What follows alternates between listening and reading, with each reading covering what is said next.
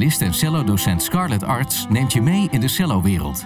Ze spreekt toonaangevende cellisten van nu, de cellodocenten van nu en de cellisten die de cellowereld hebben bewogen. Maar ook al haar cellistisch advies deelt ze met jou. Leg je strijkstok even neer en luister naar Cello spelen met Scarlett. Beste luisteraars, superleuk dat je uh, in bent geschakeld bij Cello spelen met Scarlett.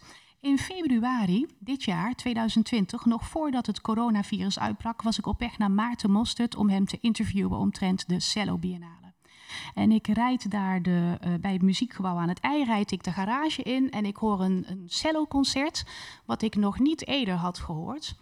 En um, ik werd er helemaal blij van. Ik, het is lang geleden dat ik zulk een kippenvel heb gekregen bij het horen van um, muziek. En uh, toen kwam er een moment dat de cellist zijn cadens startte. En een cadens is het uh, moment dat uh, het orkest heel eventjes zwijgt en um, de cellist pakt uit. En deze cellist begon met hele en halve toonsafstanden en met trillers. Ik, ik, had, ik was echt flabbergasted. Dat is ontzettend uniek. Dus ik bleef um, begeisterd in die parkeergarage zitten om te weten wie het was. Ik denk, Maarten die wacht wel een minuutje. En ik hoorde dat het Karel Philip Emanuel Bachs celloconcert was in A groot en dat de solist Roel Dieltins was.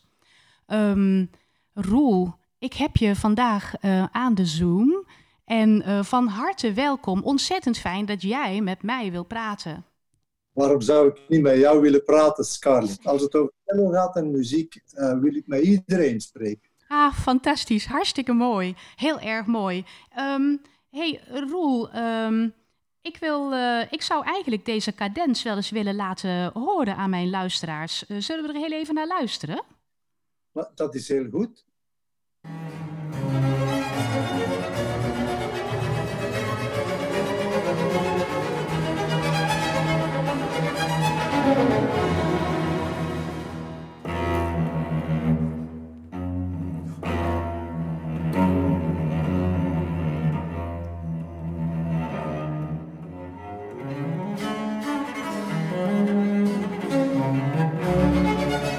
Vind het echt fantastisch. Roel, wat maakt nou dat jij op het idee komt om daar, waar op een moment waar alle cellisten uit gaan pakken, dat jij met zo weinig materiaal um, uh, dit maakt? Hoe, hoe kwam dat in je op?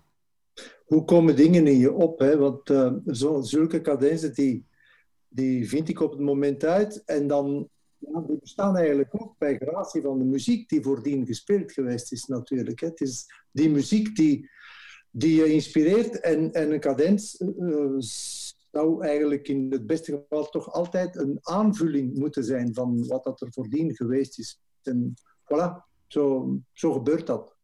Ja, ja. Um, um, ik hoorde van Maarten dat jij gaat stoppen met spelen. En ik dacht, hè? Maar Roel is nog jong. Um, waarom ga je stoppen met spelen, Roel? Maar Roel is niet meer zo jong, hè, Scarlett? Uh, Roel is 64 ook. Dat is en, jong belegen. Dank u, dank u. maar uh, het is gewoon... Um, ja, ik ben nu 40 jaar, sta ik op de planken. Uh, ik speel cello van als ik 15 jaar ben. het is heel, heel... Um, ja, mijn duimen zijn versleten, zeg maar. Ik heb heel veel gestudeerd. Ik heb heel veel opgetreden. Ik heb veel met koffers ge gesleurd. Uh, ik heb gereisd.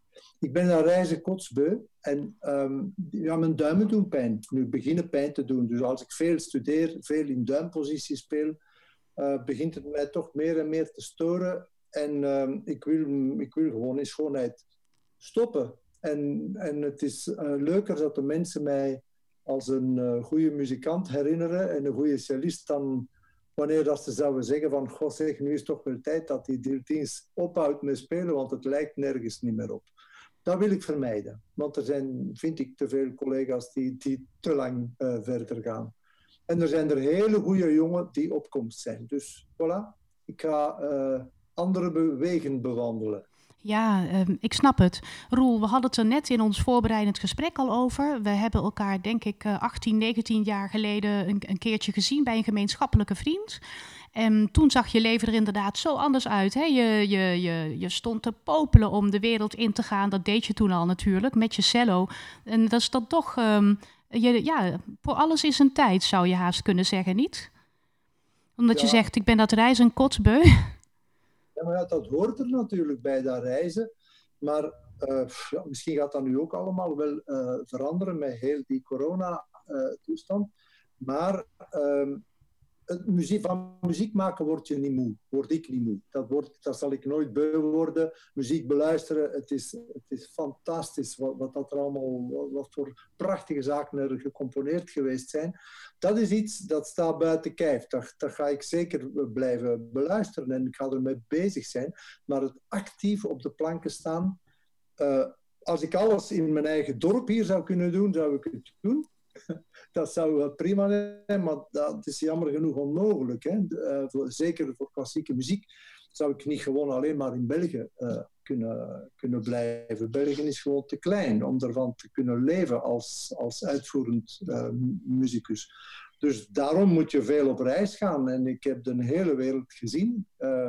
weliswaar alleen maar hotels en, en concertzalen en vliegtuigen, maar op den duur ja, het concerten spelen is allemaal niet zo lastig. Het is, uh, het is eerder uh, het reizen waar je zo moe van wordt. Ja. En uh, daarom, uh, het is alles een beetje bij elkaar. Die duimen, het reizen. ja, ik, ik heb nu ook kleinkinderen en zo. Dat is allemaal heel leuk. Dus het leven gaat een andere wending nemen. Ja, dat is zo. De, voor, voor alles een tijd. Um, Roel, um, jouw agenda is op dit moment helemaal leeg vanwege corona. Dat is ongekend voor jou, niet?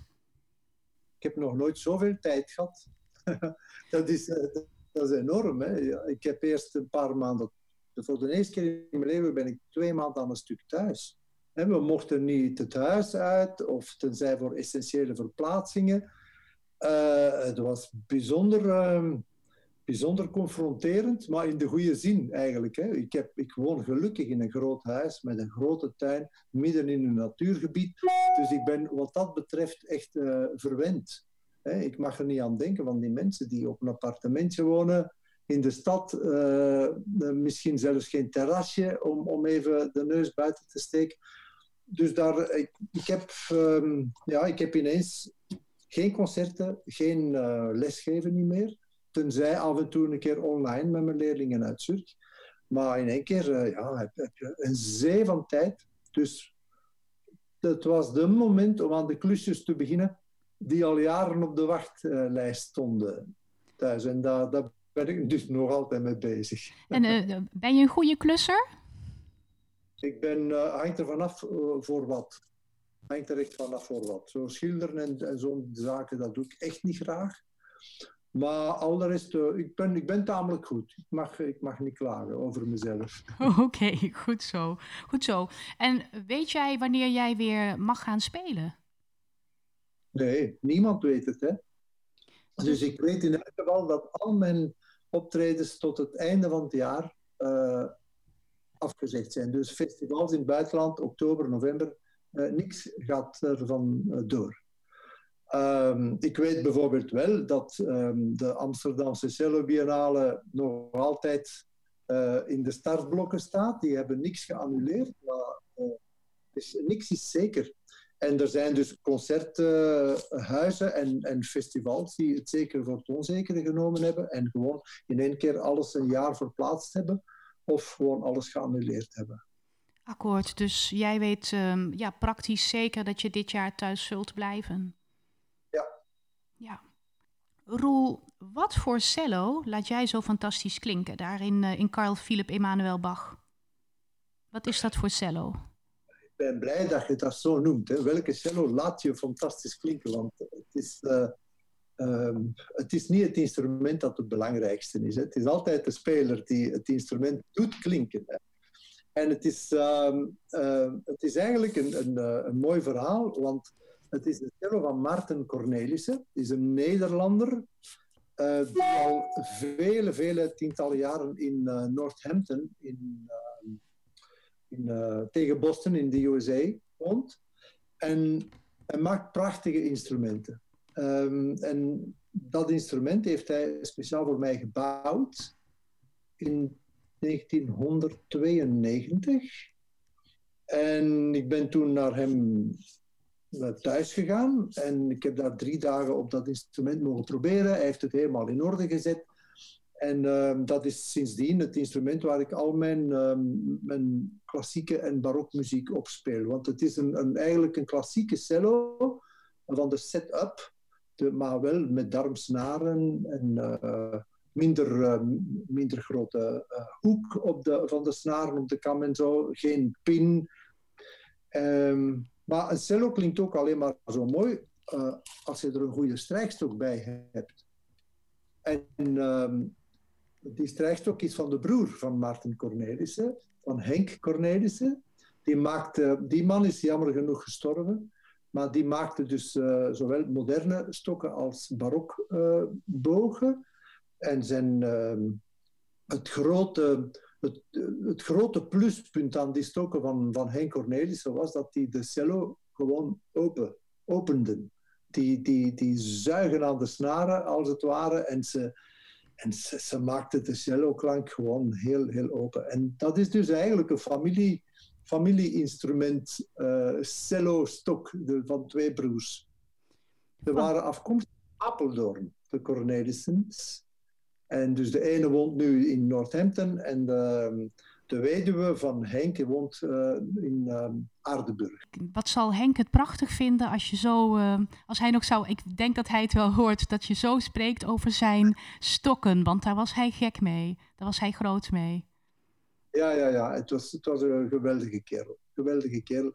En ik, ik vond het ook zo goed, omdat um, die stokken waren helemaal niet duur. In onze, in onze wereld uh, is er zoveel snobisme als het over instrumenten gaat en over strijkstokken en over, over het materiaal. Het moet al uh, verschillende duizenden euro's kosten, of als het over het instrument gaat, het moet al vele tienduizenden kosten. Uh, want pas dan wordt het, kan het goed zijn. Hè. Dat, dat, hebben we toch wel heel veel in onze, in onze wereld en niets is minder waar. En dat was zo tekenend voor die, voor die stokken van Henk Cornelissen die, die kostte 1000 euro of zoiets. Uh, rond de 1000 euro. En ze speelden zo goed als mijn dure Franse stokken. Beter zelfs. Dus Beter. Dus, waarom niet? Hè? Ja. Dus ik heb dat altijd heel, heel sterk verdedigd. Ik heb dat altijd aangeraden aan mijn leerlingen of aan mensen die mij vroegen van... Kijk, uh, uh, waar kan ik terecht voor, goede, voor goed materiaal? En dan heb ik altijd Cornelissen aanbevolen. Ja. Roel, jij, jij bent, je bent zowel een moderne als een barokcellist. Hè? Je geeft het ook al aan. Uh, de, um, en een uitgesproken artiest, sterke persoonlijkheid. En dat, dat gaat heel erg vaak samen met het karakter van een soort van diva. Uh, niet bij jou. Jij bent de vriendelijkheid en de rust zelf. Uh, hoe verklaar je dat? Zoveel karakter en output en zo amabel. Dat is een rare vraag hoor. Ik ik vind gewoon dat eender welke beroep dat je uitoefent, of, um, of eender welke, um, ja, wie je bent, je bent nooit meer waard dan iemand anders.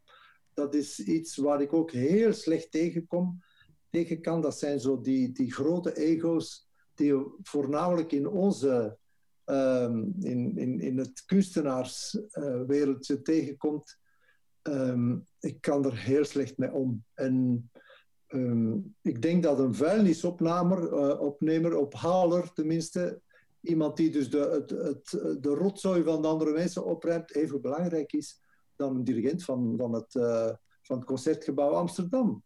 Want stel je maar eens voor dat ze alles op de straat laten staan, hè, dan, zou, dan ga je dat wel weten. Uh, bedoel, dat is zo mijn filosofie. Ik, ik zou niet inzien waarom ik een diva zou moeten zijn ik, ik snap dat niet. Nee, um, het gaat bij jou zelfs nog verder.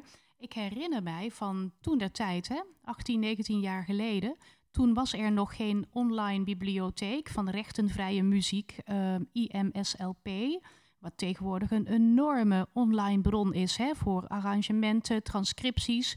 Ik herinner me nog uit die tijd dat jij met, ik denk nou, ik denk wel 100 of 150 pagina's gekopieerde muziek van Franchon uh, aan kwam zetten. En dat vond ik heel erg speciaal, want ik denk dat jij destijds moeite hebt gedaan om die ergens te vinden. In wie weet wel een kelder van een conservatorium of van een bibliotheek. En dan geef je dat aan een ander om, onder het mom, die muziek moet gespeeld worden. Dat is wel uitzonderlijk. Voor mij is dat de normaalste zaak ter wereld. Want uh, ja, zo'n zo muziek, en het gaat hier denk ik over Frankom, uh, die, dat, is, dat is schitterende muziek en niemand, niemand speelde ze. De enige die het toen had gespeeld voor mij was uh, Anne Bijlsma. Ja. Zodat ik die muziek heb leren kennen van een, van een oude opname van hem, ben ik zelf op zoek gegaan. Ik heb dus inderdaad naar, naar Parijs, speciaal enkele dagen naar Parijs in de bibliotheek gezeten. Dat waren toen nog zo van die, van die uh, papieren fichebakken. Die hadden duizenden papiertjes, fiches, waar dat je moest doorgaan om zaken te vinden ik heb in Den Haag in de, in, in ehm, de, bibliotheek gezeten. Ik heb uh, overal gezeten op zoek naar die onbekende uh, virtuoze muziek eigenlijk. Hè? Want dat interesseerde mij toen heel erg. Uh, omdat je, ja, als je goed wilt worden op een, op een instrument, moet je, moet je technisch sterk staan. Ook, hè? Die techniek moet er zijn. En, en zonder dat ga je nooit geen vrije uitdrukkingsmogelijkheden hebben. Dus ik was, ik, was zo, ik was heel fanatiek wat dat techniek en virtuositeit aanging. Dus ik vond, dat, ik vond dat best wel spannend om dat allemaal een keer heel die literatuur uit te spitten. En um, ik moet wel zeggen dat ik, dat ik uh, heel veel uh, rommel heb gevonden hoor. Want zo de meeste muziek van, van die virtuozen, ja, dat was uh, muziek. Dat waren heel veel noten, dat was heel moeilijk te spelen. Dat was eigenlijk ja, sport. Meer sport op, het, op de cello dan eigenlijk uh, muziek. En, en Francon was daar de grote uitzondering. En dan vind ik het echt wel de moeite waard om die muziek te delen. Hè? Maar jij was niet de enige aan wie ik die muziek heb uh, gedeeld. Er zijn nog, ik krijg aan en toe nog altijd vragen uit, uit Nieuw-Zeeland, onlangs nog iemand, die, gewoon, die dat dan horen en die vinden dat dan niet, uh, de muziek is niet uitgegeven en dan komen ze bij mij terecht. En ja, waarom niet? Hè? Die muziek is toch niet van mij? het is gewoon, muziek is voor iedereen. Ja, nou dat, ik vind dat fantastisch. Um, Roel, als je nou terugkijkt op jouw, um, jouw muzikale leven. Ik noem de Muziekhochschule in Zurich, waar je al heel lang um, hoogleraar bent, docent. Ensemble Exploration, waarbij jij ook prachtige kamermuziek van Franco hebt laten horen. Hè? Ook hebt opgenomen, onder andere um, solist bij het orkest van de 18e eeuw en natuurlijk veel meer andere orkesten. Um, hele mooie cd's met Mozart klarinetquintet, met Walter Boeiskens, zoveel, zoveel cd's. En ook um, een cd met uh, Haydn, Scottish Airs. Dat is toch uniek? Ja, hoe, dat, je moet al lachen. Dat is toch vrij uniek dat jij daar dan weer uh, een, een hele mooie cd van maakt met jouw collega's. Ja, ja mijn, mijn, uh, ja, dat was heel leuk. En dat is eigenlijk, nu dat je erover spreekt, wel, wel plezierig om een keer te vertellen. Want ik ben daar eigenlijk ingesprongen door een andere cellist die jullie waarschijnlijk heel goed kennen, Jaap Terlinde. Ja. En ja, die was eigenlijk uh, gevraagd door Harmonia Mundi om mee te werken aan die cd. En uh, om een of andere reden is dat niet doorgegaan. Heeft Jaap uh, tamelijk laat afgezegd. En ja, alles was gepland en georganiseerd voor die CD. En ze zaten ineens zonder cellist. En dan hebben ze mij gevraagd, omdat ik voordien al veel voor Harmonia Mundi had opgenomen, natuurlijk. En toevallig waren ook dus de zanger, Werner Gura en uh, Christophe Benner, waren twee collega's van mij in Zurich. Dus we kenden elkaar. En zodoende van het een kwam het ander. En ik, vond het, ik vind geweldige muziek. Het is ook muziek die heel weinig gespeeld wordt. Hè? En ja. uh, we hebben ons best heel, heel goed vermaakt toen tijdens die opname. Ja. Ja, leuk. leuk. Het, het, het, ik hoor dat ook terug wanneer ik dat luister. Ik heb gisteren een hele avond uh, op iTunes gezeten en je, uh, je opnames uh, beluisterd. Ik heb op Spotify alles nog eens eventjes doorgenomen wat ik, maar, te, wat ik maar kon vinden. Dus heel veel cd's die je daar kunt beluisteren en uiteraard nog kunt kopen hè, in een, in een cd-zaak. Um, maar je hebt ook heel veel getoerd met een balletgezelschap. je bent commentator bij de Koningin Elisabeth-wedstrijd, een jurylid bij het Tchaikovsky-concours te Moskou geweest. Um, zijn dit allemaal, noem eens, wat is nou voor jou een, een van de hoogtepunten, of noem eens meerdere hoogtepunten in jouw muzikale carrière? Dat is ook een moeilijke vraag, hè, Scarlett. Um, hoogtepunten. Maar een hoogtepunt vind ik altijd als je heel veel uh, genoegtoeging krijgt van hoe dat de muziek er op die moment of na dat concert uit is gekomen. Dat zijn, dat zijn de hoogtepunten. En ja, ik, uh, ik wil nu niet beweren dat ik altijd heel tevreden ben geweest met mijn eigen spel en mijn eigen manier van. Ja, ja, concertcellisten zijn ook maar mensen. Hè? Dus de ene keer gaat, gaan zaken al wat beter dan de andere keer. De ene keer ben je ook veel meer geïnspireerd dan de andere keer. Uh, maar het zijn dus wanneer dat, dat maakt dat je met de anderen uh, ook dat, er iets gebeurt. Dat er iets speciaals gebeurt dat je nooit, dat je nooit meer zult terugkrijgen. Zo, en dat zijn dan natuurlijk de mooiste momenten. En, um, Ik, heb, ik heb verschillende mooie momenten gehad. Uh, en, en ik denk dan in de eerste plaats aan, de, ja, aan, mijn, mijn tijd met, met Ensemble Exploration.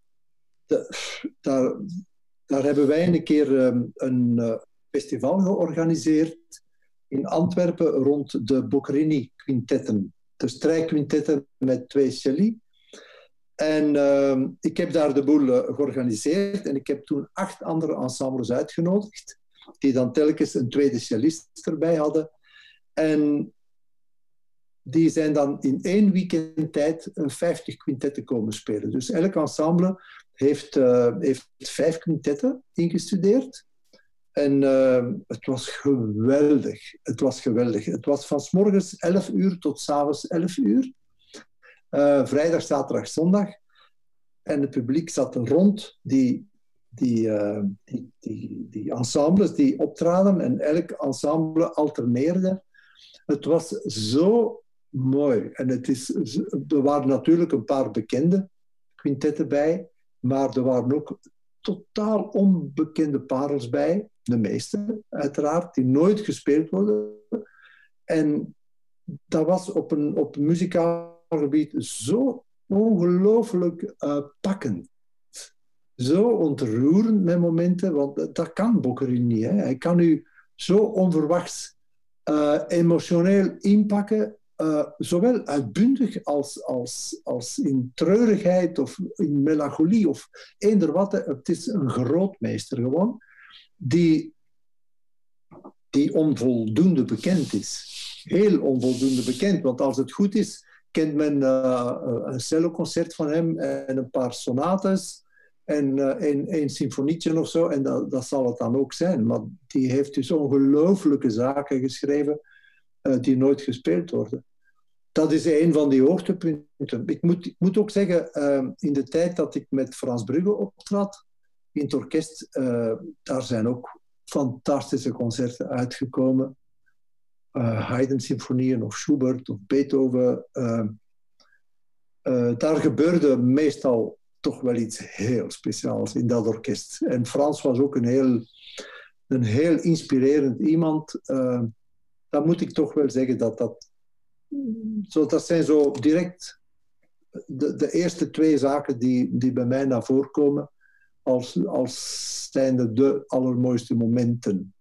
Ja. Want als je als solist speelt, of je speelt bijvoorbeeld Bachs, dan, dan beleef je dat op een andere manier dan wanneer je kamermuziek speelt. Hè. Als je kamermuziek speelt, dan, dan krijg je impulsen van, van andere muzici en, en dat, dan ben je er ook veel meer bewust van hoe dat, dat overkomt. Als je helemaal alleen speelt, dat is een ander soort concentratie dat je hebt. En dan, in het beste geval zal het dan ook wel heel goed aankomen bij het publiek, maar dan, dan ben je niet zo van bewust van, van zo dat, dat, uh, ja, dat wederzijdse inspireren van elkaar. Dat is heel schoon. Ja. Uh, je hebt tweemaal de baksuites opgenomen. Uh, wat vind je zelf, wat was de reden om hem opnieuw op te nemen? En als je nou terugkijkt, wat zijn de kenmerkendste verschillen? Jij stelt moeilijke vragen. Ik luister nooit naar opnames van mezelf, dus ik kan me moeilijk voorstellen hoe dat bijvoorbeeld die eerste opnames uh, klinken. Ik zou, moeten, ik zou moeten luisteren. Ik weet het eigenlijk niet meer. Maar um, ja, ik, uh, Bach is de enige componist die, die je constant um, in vraag stelt. Dat is de enige componist waar ik nog geen moment heb van zeker geweten van ah, zo is het de goede manier om te doen. Um, dan, dan heb ik een aantal concerten gespeeld met suites en dan denk ik, verdorie, volgende keer ga ik het toch anders doen. Of dit of dat. Al, het is altijd, het is nooit, bijvoorbeeld als ik het Dvorak cello concert speel, of, of Tchaikovsky rococo variaties, oké, dat kan wel een keer anders zijn, een andere inspiratie, maar eigenlijk is dat, het is prachtige muziek, daar gaat het niet over, maar het, het is muziek die, die je um, spiritueel en, en um, ja, die, die, gewoon, die, die, je niet, die je niet bezighoudt, zoals met Bach. Bach is constant, sta je op een verkeerd been. En, en daarom heb ik het de tweede keer willen opnemen. Uh, ik kreeg onlangs een, uh, een mail van een uh, collega van mij, een violist, en die, um, die heeft het nogal moeilijk de laatste jaren. En die is nu bezig met viool, alle vioolmuziek van Bach te, in te studeren en uit te voeren. En hij zegt ook van, ja kijk, ik doe het omdat het is een, het beste dat ik kan doen om tegen mijn depressie te vechten. Um, en iets gelijkaardigs is mij ook overkomen met mijn tweede opname. Um, een depressie was helemaal niet aan de orde, maar het was het einde van Ensemble Exploration. Ik geloof dat die Barswitten is nu, die, dat is ongeveer tien jaar geleden, de laatste. Kan jij dat zien? Heb jij dat, uh, heb jij daarna gekeken wanneer ik die heb opgenomen? Ik heb het jaartal niet gecheckt. Ja, vermoed ongeveer tien jaar geleden. Een dikke tien jaar geleden. En um, ja, dat was zo... Uh, er waren heel veel uh, negatieve negatieve gevoelens bij. Het ging over uh, ja, onze repetitieruimte. Moesten we verlaten. Was, de, die was helemaal kapot gevrozen in die strenge winter. Het is een heel te lang verhaal. We zaten dan ineens um, met een... we hadden een manager die ons in één keer in de steek had gelaten. En ja, we zaten zonder manager in één keer. En toen bleek dat hij ook uh, met alles, alle subsidieaanvragen en zo te laat was. Hij had gewoon zijn voeten aan alles geveegd. Dus ja, kijk, er waren ook problemen met, met muzici. Die, want zo de laatste jaren, van de laatste vijf jaren van Ensemble Exploration, waren wij bijzonder succesvol. En, en speelden wij in alle grote zalen wereldwijd. En dan waren er ineens muzici, als we dan spreken, uh, zoals dat straks, over ego, uh, die ineens dachten dat ze, dat ze zeer belangrijk werden. En het, het werd in één keer veel minder aangenaam om ermee samen te werken. de hotels waren ineens niet goed genoeg, niet meer. De naam was niet groot genoeg in het programma vermeld, enzovoort, enzovoort. Dus het was echt heel lastig. En dat kwam allemaal in een, in een tijdspanne van drie, vier maanden kwam allemaal bijeen. En toen heb ik ook gezegd, gezegd uh, ik stop met dat ensemble. Voor mij hoeft het allemaal niet meer. Want uh, en dan, dan, ik, had echt iets, um, ik had echt iets positiefs nodig. Positieve ideeën. En dan heb ik op, uh, heb ik gezegd, voilà, ik ga mijn Bach-suites nog eens opnemen. Uh, dat gaat mij goed doen. Uh, en, en dan heb ik tooningenieur gebeld, waar ik altijd mee um, samengewerkt heb voor Harmonia Mundi. Ik heb de, de opnameruimte gebeld en dan gehoord wat, wanneer alles samen kon komen. En veertien dagen later waren ze opgenomen. En het heeft mij echt veel goed gedaan. Het was eigenlijk een therapie, moet ik zeggen. Ja, ja zo klonk het ook een beetje voor je collega violist als therapie en dan ook voor jezelf als therapie. Ja, ja. het is natuurlijk een therapie met, met inzicht in de muziek. Maar, uh, maar dat is het verhaal daarachter. Mooi, mooi Roel. Uh, Roel, wie liet jou in aanraking komen met de barokcello? Dat is er van in het begin bij geweest. Ik heb... Uh, uh, mijn vader is, was orgelist. Ehm, en mijn broer die is uh, professioneel blokfluitist. Die, um, die speelt heel veel met Philippe Herwegen en René Jacobs mee en zo. En die, van in, van in het begin, als ik cello gespeeld heb, uh, heb ik altijd met mijn broer de volledige uh, blokfluitliteratuur doorgejast. En ik speel trouwens blokfluit, uh, ik speel trouwens cello om hem te begeleiden. Want ik had eerst een pianolerares die veel te streng was. En ik wou stoppen met muziek, en, maar ik moest verder doen met mijn vader terwijl ik mijn majora-studies deed, moest ik iets um, creatiefs doen, vond hij. En ik vind het nu dat hij heel, veel gelijk gehad heeft. Maar die man heeft dus een been stijf gehouden. En uh, ik, moest, ik mocht van instrument veranderen, maar ik moest wel muziek verder blijven doen. En dan heeft mijn broer gezegd, neemt jij Marcello, dan kunnen, wij, dan kunnen we samen spelen. En zodoende ben ik op de cello uh, beland. En uh, daar had ik een leraar die veel losser was dan mijn pianolerares. En ik was toen 14 jaar, dus uh, midden in mijn puberteit, dus dat, dat wou ik. Hè. Ik wou gewoon mijn ding kunnen doen. En zodoende ben ik dan... in het begin was er nog geen barokcello met die blokfluit, maar dan, zodra ik op het conservatorium kwam, ja, zat Jos van Immerseel bijvoorbeeld, die was daar... Um, die was aan het afstuderen toen ik begon. En uh, die zocht altijd mensen om, om mee samen te spelen en zo. En zodoende ben ik daarin gerold. En heb ik mijn eerste Darmsenaren op een cello gedraaid. En, en van het een is het ander gekomen. En, maar ik heb altijd de twee, de twee samen gedaan.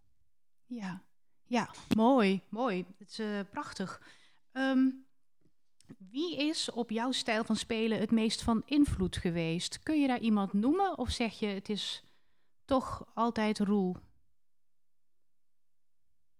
Ik weet wel wat ik, wie mij aanspreekt en wie mij niet aanspreekt als, als muzikant. Maar er zijn bitter weinig cellisten die mij aanspreken, moet ik zeggen. Ik, ik denk ook omdat ik, omdat ik, um, omdat ik natuurlijk als cellist met een heel ander oor luister dan een muziekliefhebber in het algemeen. Als ik naar een cellist luister, ja, ik luister met vakkennis en met, met heel andere oren dan, dan een pianist naar een cellist zou luisteren, bijvoorbeeld.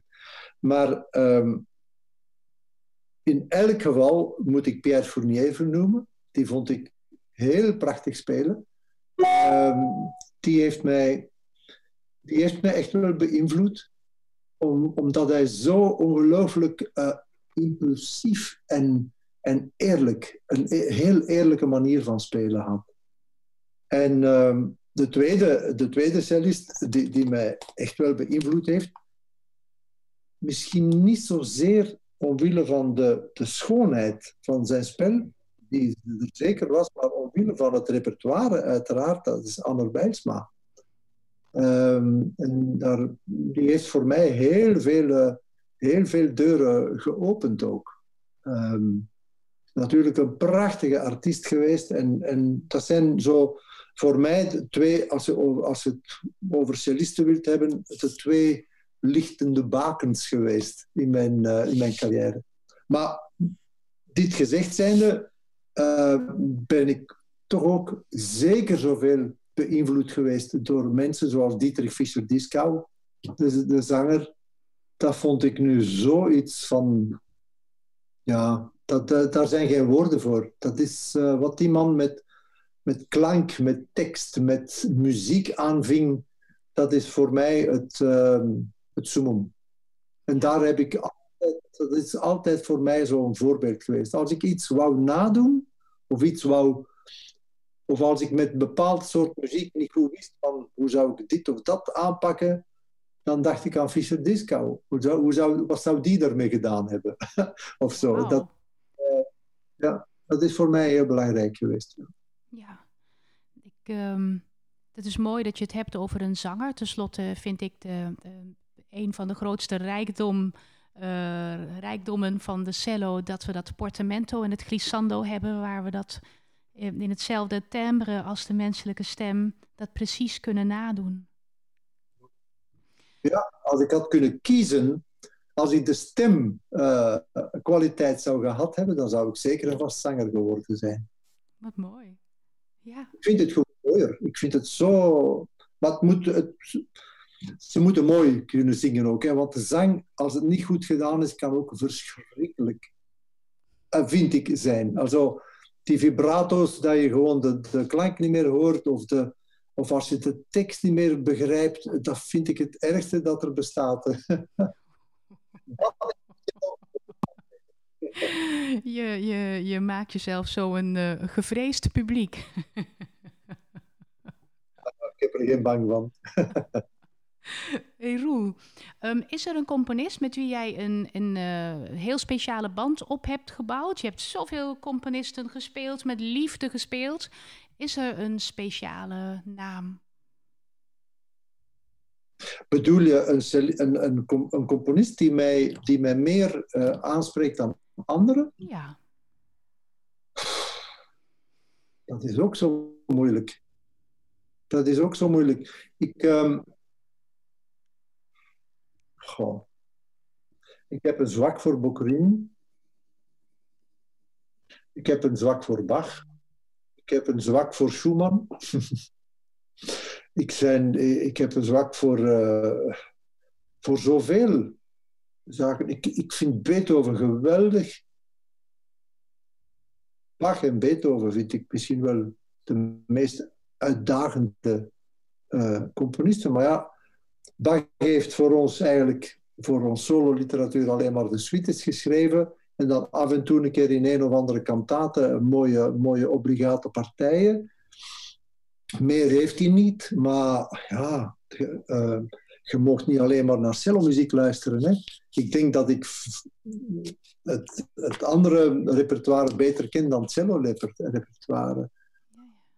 Um, Beethoven, zijn strijkkwartetten, zijn pianoconcerti, zijn, zijn, zijn pianosonates, dat is toch geweldig. Het is fantastisch en zijn symfonieën. Maar Roel, toch even dan naar Beethoven. Hè? Indien jij de sonates speelt, doe je dat dan um, met een fortepiano of ga je dan toch met vleugel? Daar heb ik ook een mooi verhaal over. Ik heb ze heel veel gespeeld um, uh, op moderne instrumenten. En um, ik heb ze ook veel, de eerste, de eerste drie heb ik ook veel gespeeld uh, op oude instrumenten. Sonates. En de variaties ook, de vroegere, moet ik zeggen. Met de, de latere, de twee laatste sonates, de vierde en de vijfde, heb ik altijd um, een soort van um, haat-liefde verhouding gehad. Ik, ik, ik, begreep, ik begreep ze niet helemaal zo. Hoe, wat de eerste, tweede, derde sonate, de variatiewerken ook, die zijn zo vanzelfsprekend. Dat is gewoon perfecte muziek. Het, het rolt eruit, het is prachtig. Maar vier en vijf zijn, uh, zijn veel uh, conceptueler van, van aanpak. En um, die, die heb ik heel lang alleen maar, omwille daarvan, alleen maar op moderne instrumenten gespeeld. Tot ik uh, dan met mijn goede vriend Andreas Steyer uh, toch ook een keer op oude instrumenten heb gedaan. En ik moet zeggen, dat is nog niet zo heel lang geleden. Dat is misschien zeven of acht jaar geleden. Dan, dan had ik zo echt die, die, uh, die aha-erlevenis, zoals ze dat zo mooi in het Duits zeggen. Het was gewoon een, een wauw-moment voor mij. Die, die, die klanken, die kleuren, die verschillende registers in die pianoforte, daar gaat het om in die sonates. Die, dat zilveren bovenaan, dat, dat doorzichtige onder, die, dat gerommel, die, die, het is gewoon geweldig hoe dat, dat Beethoven daar gewoon met, met, uh, kleuren melodieën maakte. Hij is een modernist tot en met. Daar. En toen heb, ik, toen heb ik die muziek echt begrepen. Voor het eerst. En ik, dat moet er zo oud voor geworden zijn. Hè. Wat mooi dat het op je pad kwam, zo met de fortepiano. Fantastisch. Ja, ja, ja. En ik heb ze nu ook opgenomen. Dus de vierde en de vijfde zijn opgenomen met Andrea Steyer. Uh, en die komen in het najaar uit, vermoed ik. En die wou ik absoluut doen. En dat is dan ook mijn laatste opname, die zal verschijnen. Oh, oh. jammer. Jammer, maar je geeft duidelijk aan waarom je inderdaad uh, gaat stoppen met spelen en uh, dat het echt fysiek is. En tijd voor wat anders. Ja. Tijd om thuis te blijven. Juist. Mooi hoor. Um, Roel, we gaan afronden. Ik wil jou um, nogmaals bedanken voor dit gesprek. Heel fijn dat je zoveel tijd voor me hebt uh, uitgetrokken. Ik wil je ook bedanken voor de prachtige muziek die je voor ons uh, jongere cellisten, al schelen wij niet zo ontzettend veel, voor, voor de jongere generaties achterlaat. Je hebt zoveel mooie dingen gedaan. En wat ontzettend mooi, Roel, dat je, dat je mij in de auto en zoveel andere mensen die inschakelen op Radio 4 zo blij kunt maken met muziek. Dat is echt fantastisch. Dank je wel daarvoor. Wel heel graag gedaan. Beste luisteraars, dank je wel voor het luisteren. Ik hoop dat je de volgende keer weer inschakelt um, bij Cello Spelen met Scarlett. En um, dank je wel en tot ziens. Thank you.